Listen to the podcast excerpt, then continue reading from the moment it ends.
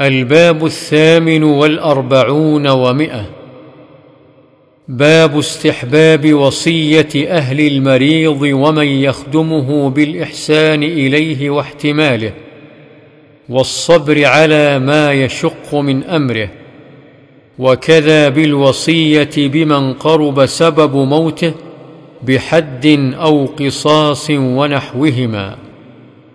عن عمران بن الحصين رضي الله عنهما أن امرأة من جهينة أتت النبي صلى الله عليه وسلم وهي حبلى من الزنا فقالت يا رسول الله أصبت حدا فأقمه علي.